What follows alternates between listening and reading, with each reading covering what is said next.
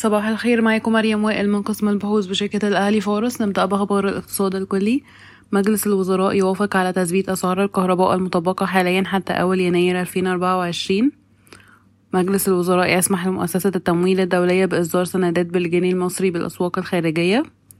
تجديد تكليف حسن عبد الله قائما بأعمال محافظ البنك المركزي. تخطط مصر لإنشاء منطقة لوجستية على الحدود الليبية مع سعيها لزيادة التجارة وستقام المنطقة على مساحة 300 فدان بالقرب من ميناء السلوم. بدأت الحكومة الترويج لطرح 50% من مجمع محطات إنتاج الكهرباء من طاقة رياح الزعفرانة على المستثمرين ضمن برنامج الطروحات الحكومية. تم تنفيذ أوامر بقيمة 4000 طن من السكر في أول يوم تداول للسلع في البورصة المصرية للسلع يوم الخميس. أصدر الحوار الوطني مجموعة توصياته الأولى للإصلاحات السياسية والاقتصادية والاجتماعية بعد ثلاث شهور من بدء المناقشات. تضمنت توصيات لجنة الاستثمار والاقتصاد إعادة وزارة الاقتصاد للإشراف على السياسة الاقتصادية الوطنية. تقصير البنوك فترات اتخاذ القرار الائتماني ورفع حدود الائتمان للشركات الصناعية. زيادة الدعم للشركات الصغيرة من خلال إطلاق صندوق استثماري للشركات الناشئة واستراتيجية وطنية لتعزيز ريادة الأعمال.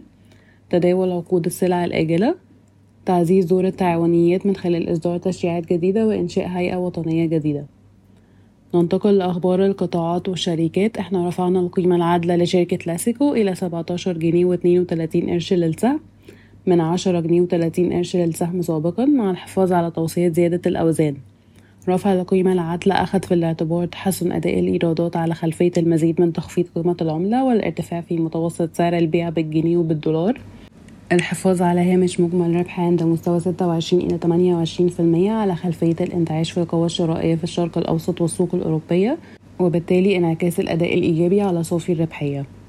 أعلنت شركة جنوب الوادي للأسمنت عن نتائجها المالية للربع الثاني من عام 2023 مسجلة صافي خسارة قدرها 39 مليون جنيه مقارنة بصافي خسارة قدرها 85.9 مليون جنيه في الربع الثاني من عام 2022 مما رفع صافي خسائر النصف الأول من عام 2023 إلى 76 مليون جنيه مقارنة ب 117 مليون جنيه صافي خسارة في النصف الأول من عام 2022 أعلنت شركة الإسكندرية لتداول الحاويات المؤشرات المالية لسنة 22-23 سجل صافي ربح 4 مليار و300 مليون جنيه وده ارتفاع 110% على أساس سنوي.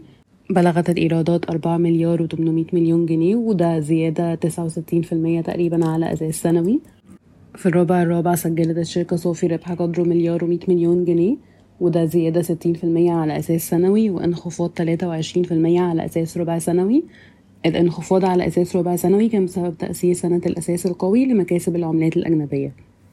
تستعد الحكومة المصرية لطرح 49% من بنك القاهرة في البورصة المصرية بين طرح عام وطرح خاص للمؤسسات المالية قبل نهاية العام الجاري.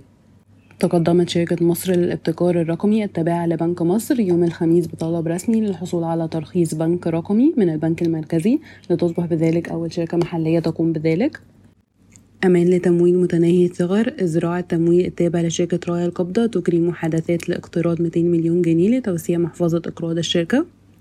وافق مجلس الوزراء على قرض قيمته 615.8 مليون دولار من صندوق النقد العربي لدعم القطاع المصرفي. طرحت وزارة الكهرباء والطاقة المتجددة عرضا على جهات دولية ومحلية لإطلاق وتشغيل خمس محطات للطاقة الشمسية على الساحل الشمالي الغربي لخدمة مشاريع تحلية المياه في المنطقة.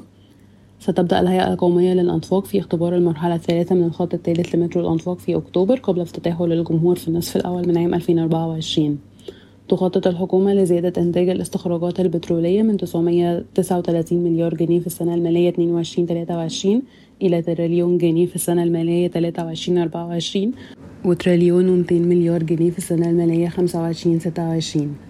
يهدف كونسورتيوم من الشركات المصرية إلى تجميع سيارات جيلي محليا بدل من استيرادها في ظل النقص الحالي في العملات الأجنبية. أطلقت شركة بيع الأجهزة الإلكترونية الاستهلاكية بيتك متجرا عبر الإنترنت على منصة التجارة الإلكترونية جوميا. شكرا ويوم سعيد.